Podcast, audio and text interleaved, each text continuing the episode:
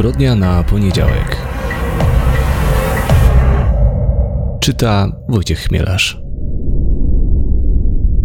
Dzień dobry, tutaj Wojtek Chmielarz i witam Państwa w kolejnym odcinku Zbrodni na poniedziałek.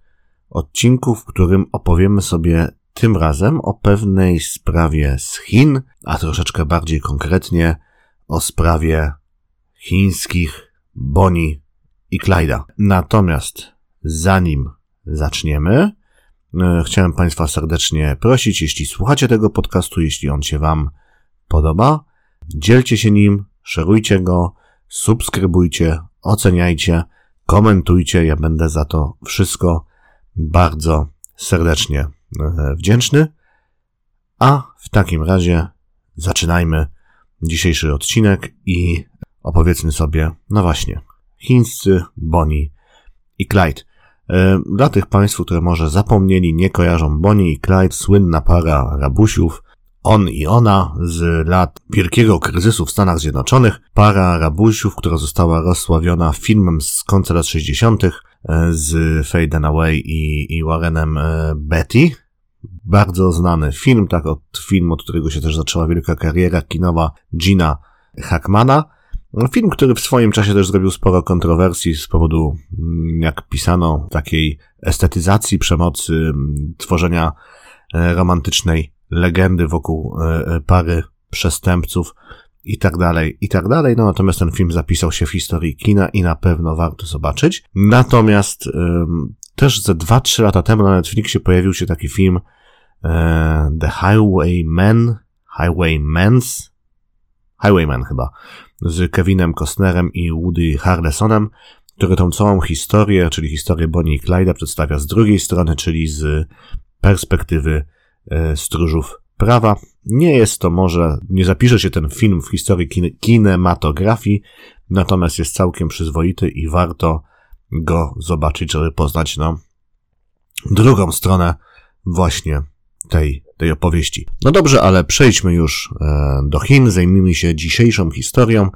Historią, która tak naprawdę swojego zakończenia jeszcze nie znalazła i znajdzie pewnie za, za parę miesięcy, kiedy zakończy się proces sądowy, apelacja Lao e, Rongzi.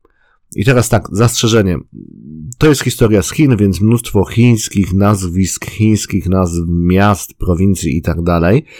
E, ja się starałem sprawdzać, jak to poprawnie wymawiać, ale prawdopodobnie nie będę tego robił poprawnie, więc bardzo serdecznie za to przepraszam. Naprawdę się staram, natomiast chiński język jest dosyć e, skomplikowany właśnie jeśli chodzi o wymowę. Dobrze.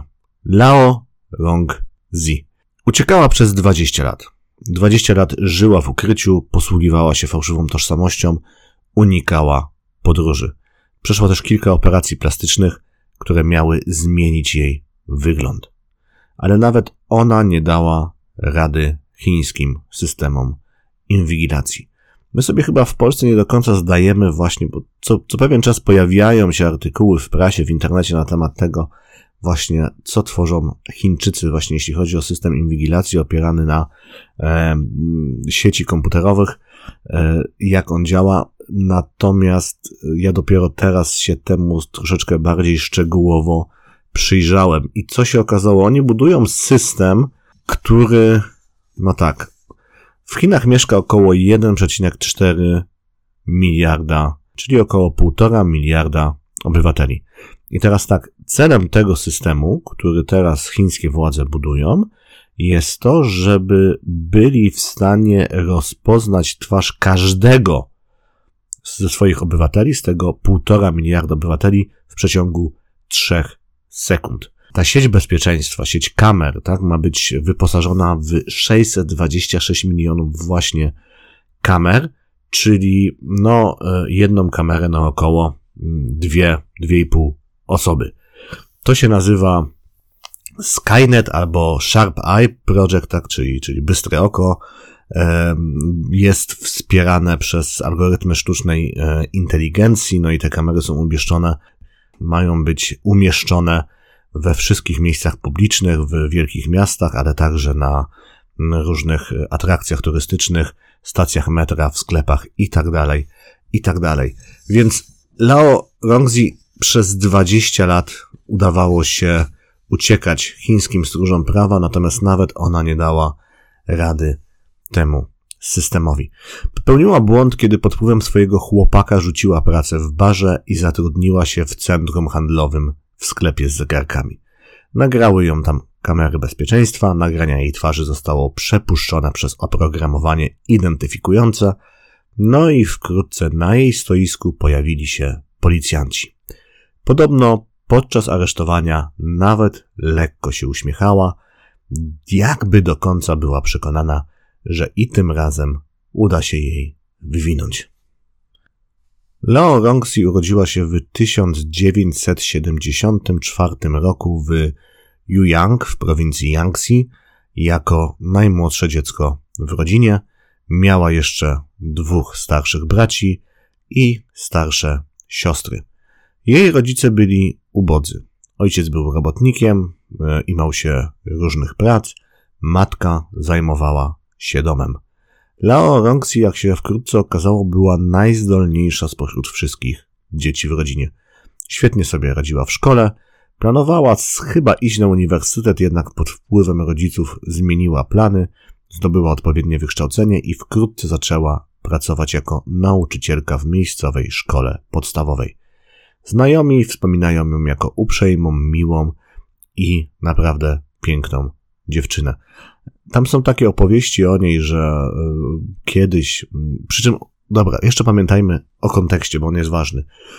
Tym kontekstem są Chiny lat 90., które wtedy były znacznie, znacznie uboższym krajem niż teraz, a do tego Lao Rongsi pochodziła z uboższej rodziny, tak? I w tym kontekście ta historia, którą Państwu o niej opowiem, nabiera takiego większego znaczenia ponieważ ona kiedyś pożyczyła swoje spodnie bodajże koleżance, która potrzebowała takiego elegantszego stroju na jakieś wyjście oficjalne.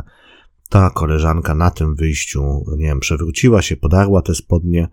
E, no więc to był problem, natomiast Lao Rongzi zupełnie się tym nie przejęła i jeszcze tę swoją koleżankę pocieszała, że nic się nie stało, że to są tylko rzeczy, że są tylko spodnie. E, zwyczajem e, chińskim za swoją pierwszą wypłatę kupiła rodzicom stolik kawowy, za drugą ubrania dla matki, a za trzecie wspólnie z siostrą piec olejowy do rodzinnego domu, tak? Czyli była też taką dobrą córką, która starała się odwdzięczyć rodzicom za to, że się nią opiekowali i za te pierwsze wypłaty kupowała dla nich różne rzeczy. Jej życie się zmieniło, kiedy na przyjęciu u znajomych z pracy poznała niejakiego Fa Zianga. Mężczyzna był od niej starszy o 10 lat i miał zupełnie inny życiorys niż Lao Rongzi. On również był, pochodził z wielodzietnej rodziny, natomiast od dziecka sprawiał kłopoty wychowawcze. Bardzo szybko trafił do poprawczaka, gdzie spędził bodajże dwa lata.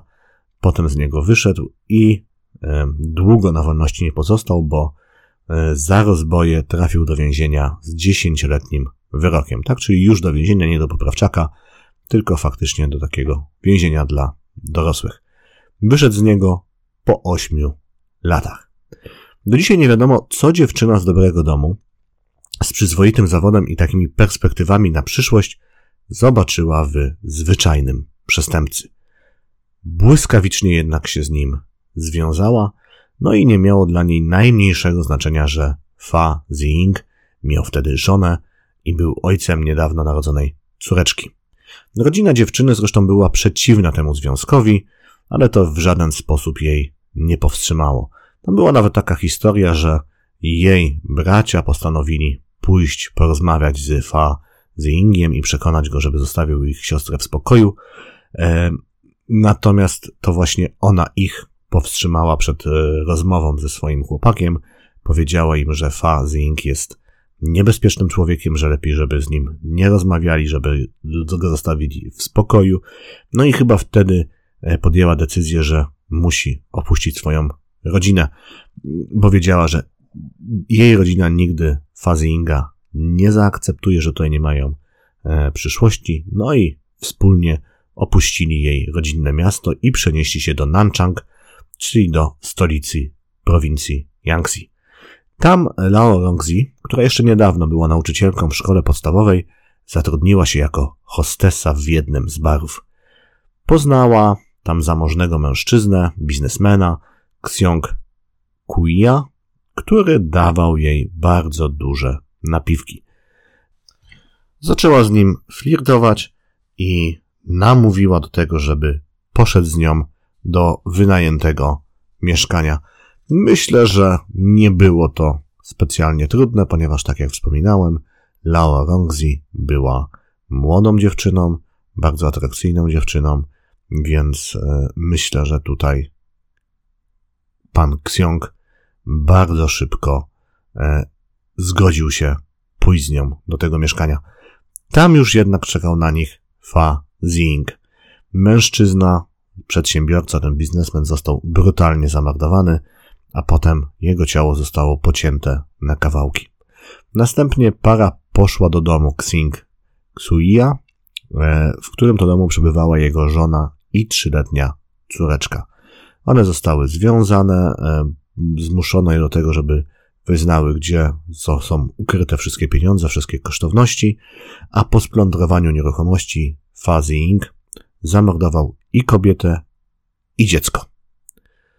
Przez następne dwa lata Fazy Inc. i Lao Rongxi wspólnie podróżowali po Chinach.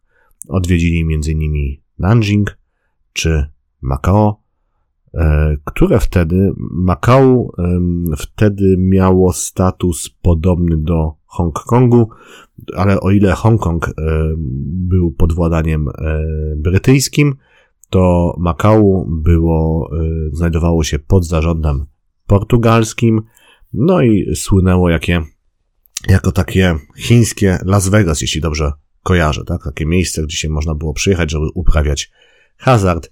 No, y, na pewno tam też dochodziło do jakichś dziwnych, brudnych interesów. Przez te dwa lata nie znalazłem żadnych informacji o tym, żeby nasza para popełniła w tym okresie jakieś przestępstwa. Natomiast mówiąc szczerze, trudno mi uwierzyć, żeby żyli przez ten cały czas uczciwie i wydawali tylko pieniądze, które mm, zdobyli podczas swojego ostatniego przestępstwa.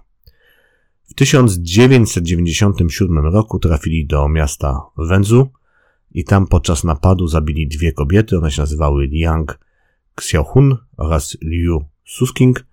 Obie były hostesami w miejscowym nightclubie. E, napad miał charakter rabunkowy, kiedy e, zabrali im wszystkie zarobione w, danym, e, w danej nocy pieniądze. Zostały obie zabite. W 1998 roku para była już w innym mieście w Changzhou i tam wrócili do swojego starego schematu działania. Lao Rongxi zatrudniła się e, w jakimś nightclubie, uwiodła mężczyznę o nazwisku Liu i skłoniła go, żeby poszedł z nią do domu. Kiedy tam trafił, no to spotkał się od razu z Fa Ziyingiem. Pan Liu został obezwładniony, związany drutem. Fa Ziying wielokrotnie dźgał go w pierś nożem, domagając się okupu za życie mężczyzny, no i udało im się, otrzymali od żony pana Liu 70 tysięcy. I teraz tak, Liu jest jedyną znaną osobą, która przeżyła ze spotkanie z parą, mm, był potem świadkiem na, na procesie i twierdził po wszystkim, że Fa Ziying i Lao Rongxi świetnie ze sobą współpracowali, że działali tak, że no wydawało się, że rozumieją się właściwie bez słów, tak jakby robili to już wiele razy. I to jest taki dosyć istotny szczegół, do którego mam wrażenie jeszcze wrócimy. W 1999 roku przenieśli się do Hefei. Tam Lao Rongxi znowu zaczęła pracować w klubie nocnym, wzięła na celownik kolejnego biznesmena. Był to niejaki Yin Yanhua. Ponownie zaczęła się, zaczęła z nim flirtować, skłoniła go do tego, żeby poszedł z nią do wynajętego mieszkania. Tam Fazing uwięził go w przygotowanej wcześniej klatce. Para podobnie jak było w przypadku pana Liu, zaczęła domagać się odkup, okupu. Zaczęły się negocjacje. In Yamhua grał jednak twardo, e, uważał, że para nie odważy się go zabić. No i w tej sytuacji Fa Zing skontaktował się z Lu Zongminem. Lu Zongmin był miejscowym stolarzem, człowiekiem niespecjalnie zamożnym, który w ogóle z całą tą sprawą nie miał nic wspólnego. Po prostu w jakiś sposób Fa Zing e, go znał, wiedział, że Kim Lo Zingmin jest e, z zawodu. No i Fa Zing powiedział e, panu Lu, że ma dla niego pracę i kiedy Zongmin pojawił się w domu Fazy Inga, Fazy Ing zamordował go z zimną krwią na oczach więzionego biznesmena, potem poćwiartował to ciało na kawałki i schował je do lodówki. W ten sposób chciał pokazać przetrzymywanemu biznesmenowi, no i pokazał, że jest bezwzględnym mordercą i nie cofnie się przed niczym, byleby tylko uzyskać pieniądze.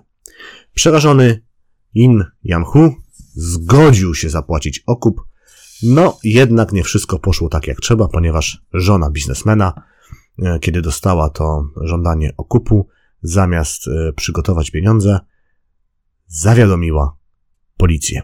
No i policja w zasadce zatrzymała Fa Zinga, kiedy ten miał odebrać okup. Rozpoczął się dramatyczny pościg. Fuzzy Inc. został podczas niego raniony w nogę i zabarykadował się w jednym z mieszkań e, w dzielnicy, w której e, przebywał. No właściwie czy mieszkanie, to, to była taka kawalerka, która troszeczkę, albo pomieszczenie w hotelu robotniczym. Jest gdzieś w internecie film z tego zdarzenia, kiedy widać jak on się chowa za łóżkiem w kącie, e, zakrywa jakąś derką, czy, czy, czy czy nawet patelnią? E, e, przepraszam, nie, nie, nie pamiętam. Przez okno celują do niego policjanci z broni e, długiej, no i tam trwają jakieś dramatyczne rozmowy. No i po tych negocjacjach Fuzzy Inc. oddał się w ręce policji. Wszystko to trwało trochę czasu i myślę, że ten czas był najważniejszy, ponieważ dzięki temu Lao Rongzi udało się uciec. Fazy Ing podobno uśmiechnął się, kiedy dowiedział się, że dziewczynie udało się umknąć. E, co się stało z przetrzymywanym biznesmenem? On również niestety zginął e, i teraz nie do końca wiadomo w jaki sposób, czy e, Fazy Ing został, zabił go po prostu, czy też ten mężczyzna umarł z braku jedzenia i picia. Tutaj są, znalazłem dwie różne wersje, no i podobno Fuzzy e, też często zmieniał zeznania w tej sprawie. Mm, no, yy, widać więc, ale jeśli nawet ta, znaczy nawet je, jeśli ta wersja o tym, że ten mężczyzna zmarł z powodu braku jedzenia i picia, jest prawdopodobna, nie mówię, że prawdziwa, ale że jest prawdopodobna, no to już widzimy, że ta cała sytuacja, że to całe porwanie, że to całe porwanie trwało trochę czasu i, i to było więcej niż nawet kilka dni. Fazing został zatrzymany w 99 roku, bodajże na jesień i już w grudniu tego samego roku został skazany na karę śmierci i rozstrzelany. Leo Rongzi przez ten czas podróżowała po Chinach, pracowała w pubach i nocnych klubach, często zmieniała pracę, ostatecznie osiadła w Xiamen, no i tam ułożyła sobie jakoś życie. Znalazła mieszkanie, wynajmowała albo miała mieszkanie, e, hodowała dwa psy. Podobno zainteresowała się malarstwem. W chwili aresztowania zaprzeczała swojej tożsamości, podawała się za kogoś zupełnie innego, natomiast przeprowadzono testy DNA i te testy DNA potwierdziły, że jest ona poszukiwaną od 20 lat przestępczynią. W czasie procesu broniła się, że także ona była ofiarą Fa Zinga. Mężczyzna miał ją bić, miał ją zastraszać. Według Lao Rongzi aż cztery razy zmusił ją do aborcji. Podobno bała się od niego odejść. Groził, że jeśli ona go zostawi, to on zrobi krzywdę jej rodziny. Podczas procesu także e, Lao Rongzi wielokrotnie przepraszała rodziny ofiar. E, mówiła, że bardzo by chciała im zadośćuczynić finansowo, ale zastrzegała, że nie ma zbyt wiele pieniędzy. Broniła także swojego obecnego partnera, powtarzając, że nie miał on pojęcia o jej przeszłości. Sąd nie dał jednak wiary jej tłumaczeniom. We wrześniu 2021 roku Lao Rongzi została skazana na karę śmierci. Rozpłakała się, kiedy usłyszała wyrok. Jej adwokat zapowiada apelację. No dobrze, jeśli teraz możemy troszeczkę się zastanowić, pospekulować, na ile ta linia obrony Lao Rongzi miała, była prawdziwa, na ile była wiarygodna. No i też zastanowić się nad tym, dlaczego kobieta, młoda kobieta właśnie z dobrej rodziny, z perspektywami na dobre życie, rzuca to wszystko, żeby razem z karanym już przestępcą, z mężczyzną, który, powtórzę to, bo może to umknęło, nie tylko był żonaty wtedy, ale miał też e, córkę, która mu się niedawno urodziła, rzuca wszystko i zaczyna e, rabować ludzi, mordować ludzi, w tym zabija albo pomaga zabić trzyletnie dziecko. No więc oczywiście tutaj wchodzi w grę ten stereotyp, że niektóre przynajmniej kobiety ulegają wpływom złych chłopców, tak, że zakochują się w złych chłopcach. No, ja starałem się troszeczkę to zresearchować, czy, czy jakaś jest wiedza psychologiczna na temat tego, na ile ten stereotyp jest prawdziwy. Nie znalazłem żadnych badań, które przynosiłyby jednoznaczne e, rezultaty i wyniki. No, po prostu zauważmy, że ten stereotyp faktycznie występuje e, i jest. E, natomiast chyba dużo ważniejsze od tego, kto był złym chłopcem, a kto, a kto rzeczną dziewczynką, brzydko mówiąc, jest to, że Lao Rongxi w chwili, kiedy rozpoczęła się ta cała historia, bodajże miała 19 lat albo trochę więcej. Była więc bardzo młodą dziewczyną, która dopiero wchodziła w dorosłość e, i która znalazła się pod wpływem o 10 lat starszego od niej mężczyzny. Gdzieś czytałem też taką wersję, że on jej strasznie zaimponował tym, że miał swój motocykl. Nam się teraz może wydawać, że co to jest e, motocykl, natomiast raz jeszcze wracam do tego kontekstu, że to były Chiny lat 90., kraj znacznie, znacznie biedniejszy, no i faktycznie ten motocykl mógł robić na niej wrażenie. Jest też pytanie, na, na ile ona sobie zdawała, kim on jest i co zamierza zrobić, ponieważ tam początkowo była mowa o tym, że, oni, że on miał jakiś pomysł na biznes i próbował ją w ten pomysł e, wciągnąć, a przynajmniej opowiadał jej, że ma jakiś pomysł na biznes. To też okres przemian e, w Chinach, e, kiedy były reformy gospodarcze, kiedy uwolniono tą, mm, zrobiono ten rynek chiński bardziej wolnym, trochę podobnie jak się działo w Polsce, ale w Polsce zatem poszły jeszcze zmiany polityczne. W Chinach, jak wiemy, nie. No w każdym razie te lata 90. to jest okres wielkich przemian gospodarczych w Chinach. Wielu ludzi się bogaciło, no i Fa Ziying mógł przed nią roztoczyć taką wizję, że oni do tej grupy bogacących się ludzi dołączą, a potem ją zwiódł. No, a potem się okazało, że tak jak ona mówi, że był mężczyzną gwałtownym, że bił ją, e, zastraszał.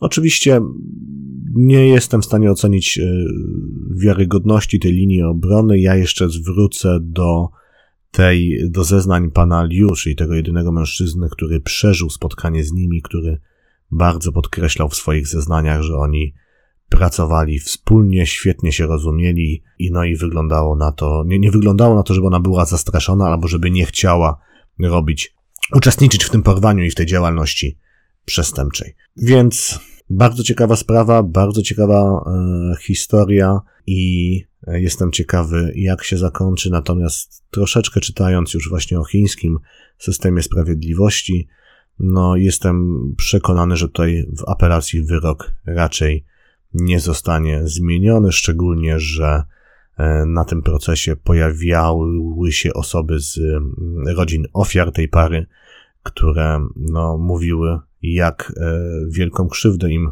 zrobiono.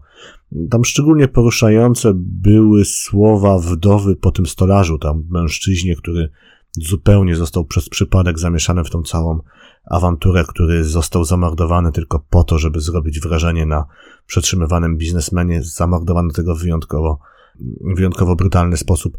No więc ta kobieta powiedziała, że e, śmierć jej męża, no to była tragedia dla całej rodziny, że mieli trójkę synów, żaden z tych synów, pomimo tego, że wcześniej się bardzo dobrze uczyli, nie zakończył edukacji, ponieważ po prostu brakowało im pieniędzy, no i śmierć ojca, śmierć jej męża, e, no to była tak naprawdę, trochę przesadzam, ale, ale powiem to śmierć jej rodziny, a przynajmniej śmierć marzeń, jakie mieli na temat swojej przeszłości.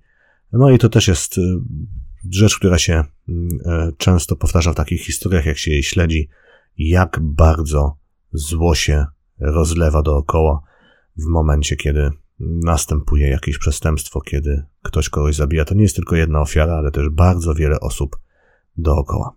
Dobrze, to była zbrodnia na poniedziałek, zbrodnia tym razem opowiadająca o sprawie chińskiej, a w przyszłym tygodniu przeniesiemy się do Japonii, ponieważ tam jest też kilka ciekawych, bardzo kryminalnych spraw, a ja Państwu opowiem o jednej z nich, o niejakim twitterowym zabójcy, który, no właśnie, notabene też niedawno usłyszał wyrok e, skazujący.